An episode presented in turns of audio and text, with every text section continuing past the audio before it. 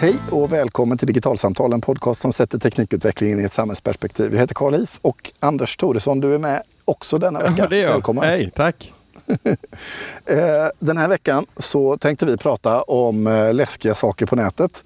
För, för en tid sedan så briserade en veritabel bomb på internet i form av ett nytt virus som spred sig som heter WannaCry, eller hur? Så var det ju. Och eh, det blev ju en stor grej av detta i media och så. Eh, och eh, när det kommer den här typen av globala läskiga virus så brukar det bli eh, löpsedlar av det. Så nu tänkte vi, vi passa på den här gången och, och nörda lite på eh, vad de här begreppen och sådär handlar om egentligen, eller? Mm. Precis så kan ju börja med att bara sätta kontexten då. Eh, varför vi eh, lyfter detta nu, det beror ju på detta malware som heter WannaCry som kom för eh, en tid sedan. Och vad det här var, det var ett malware och vi kommer prata mer om vad, vad det innebär eh, om en liten stund här. Som eh, spred sig eh, över nätet och utnyttjade ett säkerhetshål i eh, Microsofts eh, Windows-miljöer. Både för XP och Windows 7 och, och, eh, och, och, och vad det här gjorde, det här lilla säkerhetshålet gjorde att man kunde eh, utnyttja det med det här eh, malwaret och eh, helt enkelt göra det möjligt att låsa datorn eh, i en slags liksom eh, eh, ransom-situation där den som har gjort malwaret krävde 300 dollar i bitcoin för att låsa upp datan. Annars så blir man ju då av med den.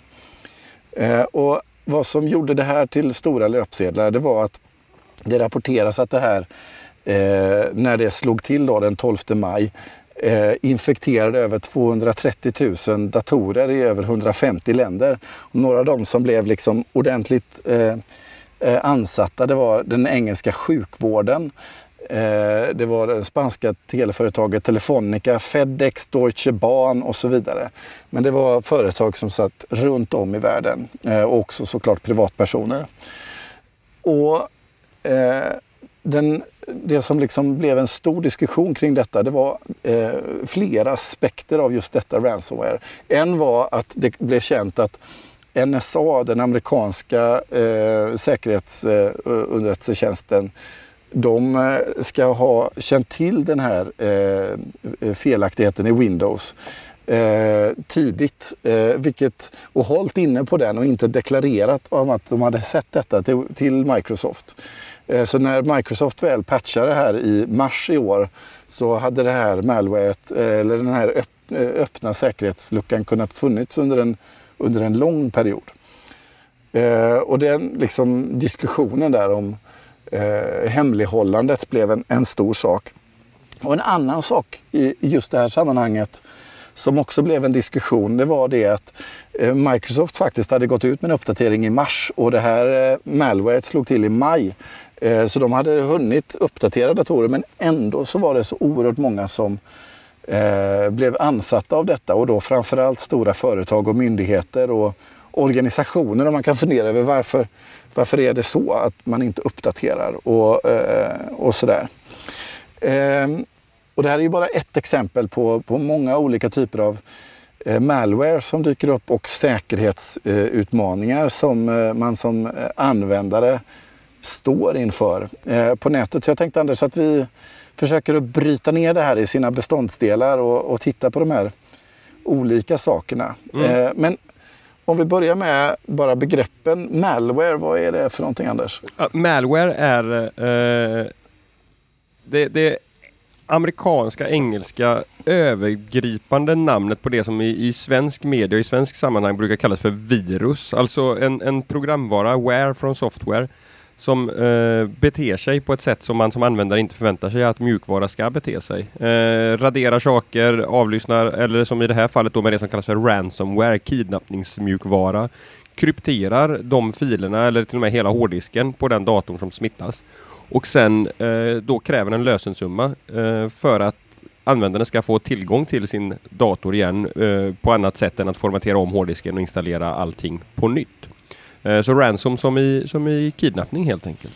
Är det vanligt med den här typen av eh, virus. Det blir allt vanligare. Det där har blivit en lågt hängande frukt för, för nätbrottslingar att eh, tjäna pengar.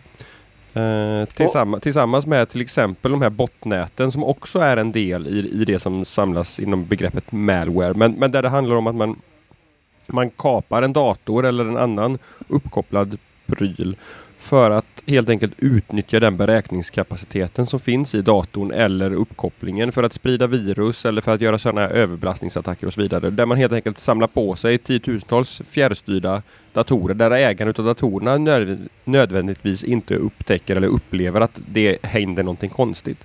Men där deras dator då hyrs ut som en del i de här stora botnäten för de som vill skicka virus eller, eller göra överbelastningsattacker. Så det, det, finns en liksom flora av olika typer av liksom malware. Ja, och där en av dem är ransomware mm. och det var det som var WannaCry-grejen här. Ja men exakt. Och i, i, svensk media så, och i svensk diskussion så pratar man ibland om maskar som ett, ett sätt och man pratar om trojaner och så vidare. Men, men allt oftare nu så ser jag att man, man nöjer sig med virus som samlingsbegrepp för all den här typen utav, utav skadlig programvara som beter sig på ett annat sätt än vad användaren förväntar sig att hur, hur datorn ska fungera. Och vad, vad, vad, tror du, varför blev WannaCry en så stor mediagrej? Det dyker upp datavirus precis hela tiden. Mm, bland annat därför att de eh, på den fredagskvällen när, det här, när den här grejen briserade så de, de första rapporterna som, som kom, eller åtminstone som jag läste, kom från Storbritannien där det var ganska många sjukhus som hade blivit drabbade utav det här eh, kryptoviruset. Och eh, rubriker från, från de amerikanska eller eh, brittiska nyhetssajterna om patienter som fick flyttas mellan olika sjukhus därför att de kunde inte längre ges den vård som de behövde få på, det, på de eh, drabbade sjukhusen och så vidare. Och det här hänger ju samman med att, att många eh, sjukhus använder eh, medicinsk utrustning där, där både Windows XP och Windows 7 är en, en del i, i hela apparaten så att säga. Och där det finns väldigt hårda krav då på hur de här prylarna ska man får inte uppdatera dem hur som helst för att då, då, de, de är certifierade för att användas i en, i en medicinsk miljö. Det intressanta här är ju att till slut så gav till och med Microsoft upp och eh, för, för både XP och Windows 7 är ju utrangerade operativsystem som de längre egentligen inte uppdaterar. Men där de släppte uppdateringar till eh, eh, den här, eh, den här, det här eh, säkerhetshålet istället. Och det är en annan sak som är intressant. Jag vet inte om det, hur mycket det hade med, med, med spridningen att göra men eh, vi, vi har ju vant oss vid, eller på något sätt ta för givet att den här typen av utav malware sprider sig via e-post och att man inte ska klicka på, på länkar och så vidare. Men, men i det här fallet så även om rapporterna i början handlar om e-post så, så var det inte alls så att det här sprids via mail utan det var andra svagheter i, i nätverksfunktionerna i Windows som, som uh, var grunden för, för WannaCry.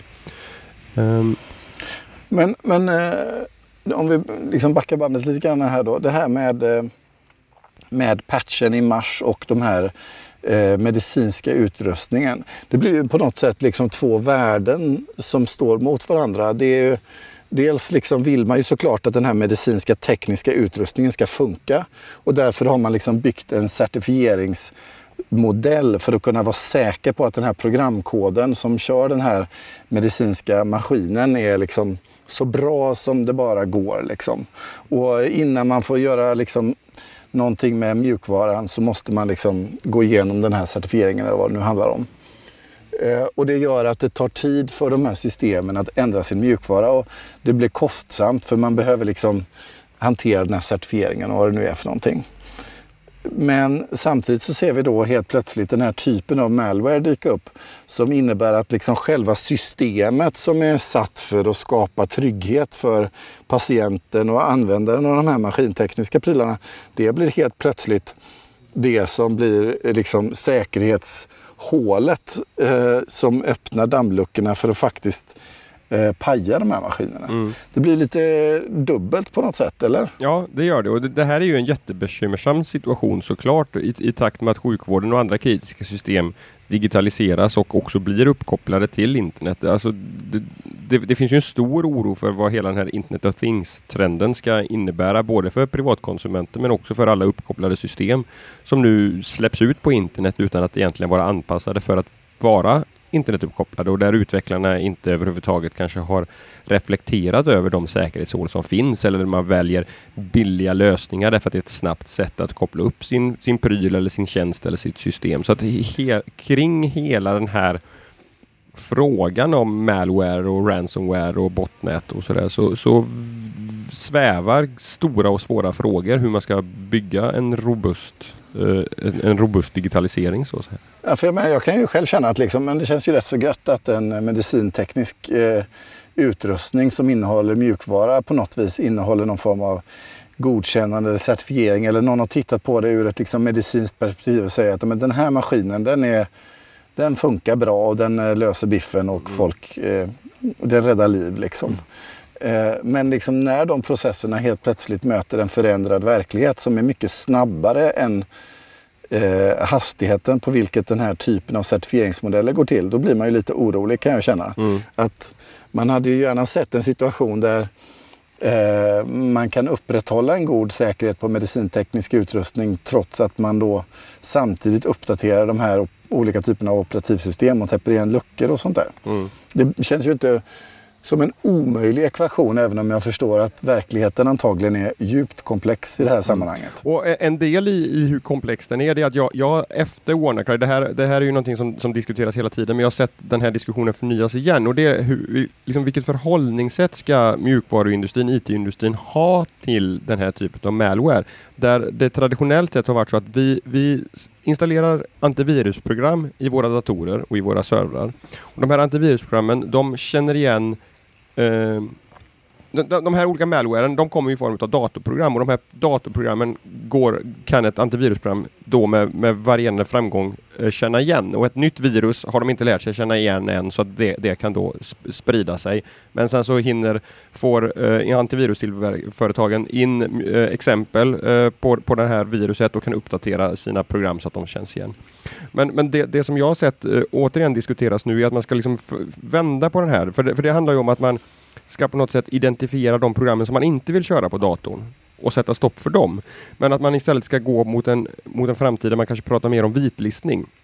Så att man istället på förhand bestämmer vilka program ska få lov att köra på den här datorn och så sätter stopp för alla andra. Jag har installerat ett program i min Mac som, som fungerar på det sättet som heter Little Flocker som köptes av F-Secure här för ett litet tag sedan. Utvecklat av en jätteduktig eh, programmerare som, som helt enkelt övervakar vilka program försöker komma åt filer på min hårddisk. Och sen får jag successivt då godkänna vilka program som ska få göra det här och inte. Och förhoppningsvis eh, så, så, är det här en metod då som skulle kunna sätta stopp för ett sånt här kryptovirus. Därför att när det försöker komma åt bilderna i mina dokument, då får jag upp en varningsruta om att här är det ett program som försöker komma åt saker i en fil, i, i en mapp på din hårddisk. Ska det här programmet få göra det eller inte?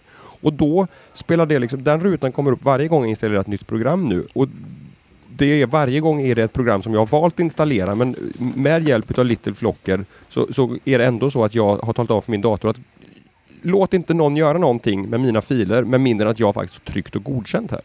Så det, det, det, är ett sätt att förhålla sig till det här. Sen eh, finns det en annan intressant diskussion och det är det här som du pratade om att NSA faktiskt kände till det här säkerhetshålet och hade gjort under ganska lång tid. Eh, men valt att hålla på det här och det här är också en, en ständigt återkommande diskussion som handlar om, om eh, brottsbekämpning bland annat då där parallellen är, som, som, som också är lätt att, att, att, att prata om, är den, den ständigt pågående, numera förhoppningsvis delvis insomnande diskussionen om krypteringens vara eller inte vara på internet. Där resonemanget från polis och, och andra myndighetshåll många gånger är att ah, men vi kan inte ha stark kryptering. Vi måste ha bakdörrar in i krypteringen och så vidare. För annars kommer nätbrottslingarna gömma sig bakom krypteringen och vi kommer få mycket svårare att stävja brott.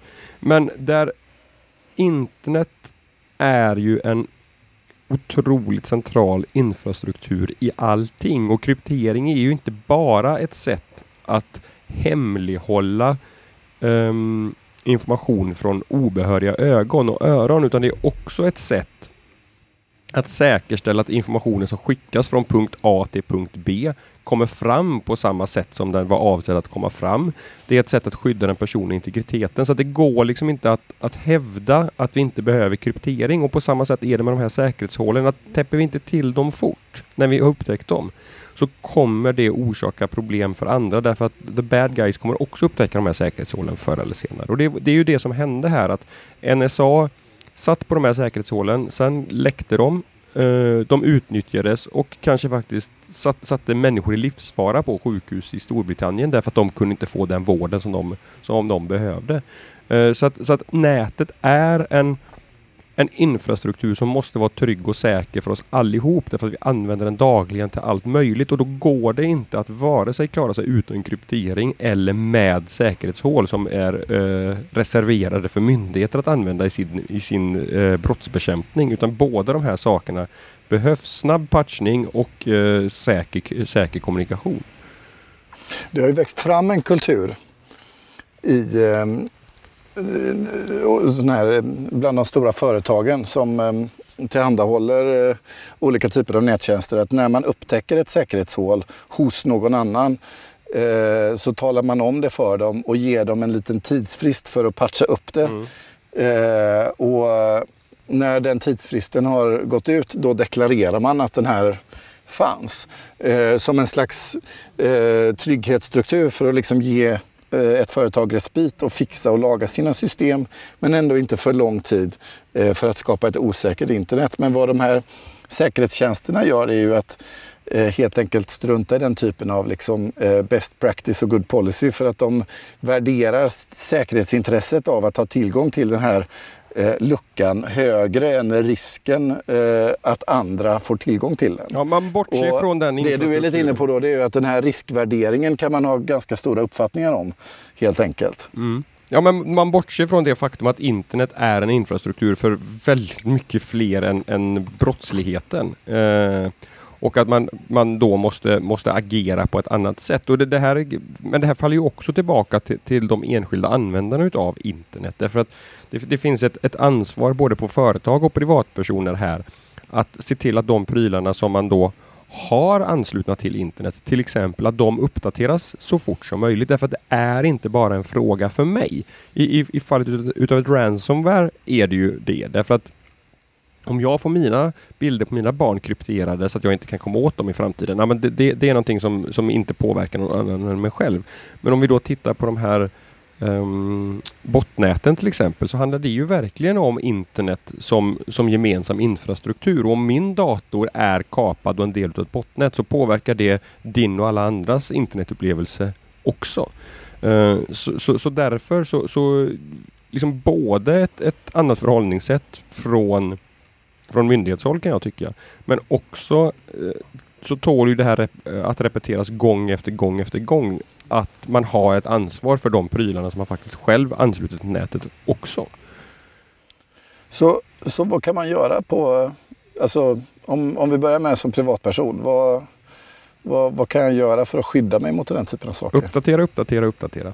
Eh, alltså när det kommer en notifiering i din mobiltelefon eller i din dator att nu finns det en ny version utav, utav operativsystemet eller en säkerhetsfix. Eh, dröj inte för länge med att installera den. Jag, jag, förstår att det är inte säkert att man kan göra det där och då därför att man vet inte riktigt, kommer den här datorn vara otillgänglig i, i tre minuter eller i 30 timmar innan allting är uppdaterat och klart igen. Eh, men, men dröj inte med det för länge för du utsätter både dig själv och liksom resten av nätet för en, för en risk om du, om du dröjer med att göra den här uppdateringen. Och, och vad gäller uppdateringar, det finns ju uppdateringar för både operativsystem och mjukvara i datorn eller på mobiltelefonen eller appar som eh, mm. tjatar och skriker mm. på en hela tiden Absolut. man ska uppdatera. Eh, är det liksom, gäller det här liksom över hela linjen att det spelar ingen roll vad det är så ska man alltid se till att ha sina mojänger uppdaterade. Mm. Ja, men så är det därför att all mjukvara som du har installerad i dina prylar kan bli en väg in för den som vill, som vill åt, uh, ha åtkomst till din, din pryl. Okej, okay, så även om det liksom är ett, vad jag upplever vara liksom en liten skitapp som inte spelar så stor roll så blir det ändå viktigt att uppdatera den. Absolut. Och Det som också är intressant här det är ju att vi har ju hela den här eh, prylarnas internettrenden nu där vi kopplar upp prylar. Det har vi också pratat om det här att en, en uppkopplad lampa som jag har hemma som jag kan fjärrstyra via en app i mobiltelefonen. Ja men det är också en dator vars uppgift bara är att lysa. Alltså alla Internet of Things-prylar är väldigt specialiserade datorer som också Så nu blir jag lite trött Anders. Vad du, vad du säger är att jag behöver inte bara uppdatera saker som är i datorn och telefonen utan jag behöver också liksom med jämna mellanrum kolla min router och mina lampor och mina alla andra typer av saker som jag har hemma som är uppkopplade. Ja, allt som har en internetuppkoppling behöver uppdateras för att göra det riktigt enkelt. Och vissa av de här sakerna är ju ganska lätta att uppdatera. Om jag liksom tänker på min telefon så dyker det liksom upp en ping som säger nu är det dags att uppdatera, vill du göra det? Eh, Och så kan jag till och med säga så här, gör det ikväll och så liksom gör den det på något automatiskt sätt. Liksom. Men att uppdatera min routers firmware är ju liksom en helt annan grej känner jag. Det är en Det är ju på grej. skalan av ångest och jobbighet är det ju mycket, mycket mer.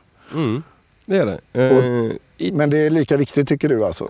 Ja, därför att vi har redan sett stora exempel på jätteöverbelastningsattacker på nätet som, som utgår från kapade webbkameror till exempel. Där, och, och här är problemet att det inte bara är det att det kan vara svårt som användare att göra uppdateringen utan det kan många gånger vara så att företagen som har tillverkat prylen inte ens släpper några uppdateringar utan man upp, upptäcker gamla säkerhetshål eh, i, i mjukvara som, som är beståndsdelar i den här i den här prylen. Eh, Men, men företaget som har, har använt den och satt samman den i, i just den här tillämpningen ägnar sig inte längre åt att, att uppdatera. Eller de finns inte kvar i, i de, de kanske går till konkurs eller vad sjutton som helst. Så, att, så att det här är ett jättestort problem. Uh, och som jag sa förut, någonting som, som många internetexperter, säkerhetsexperter är bekymrade för. Hur man ska hantera den här situationen på sikt.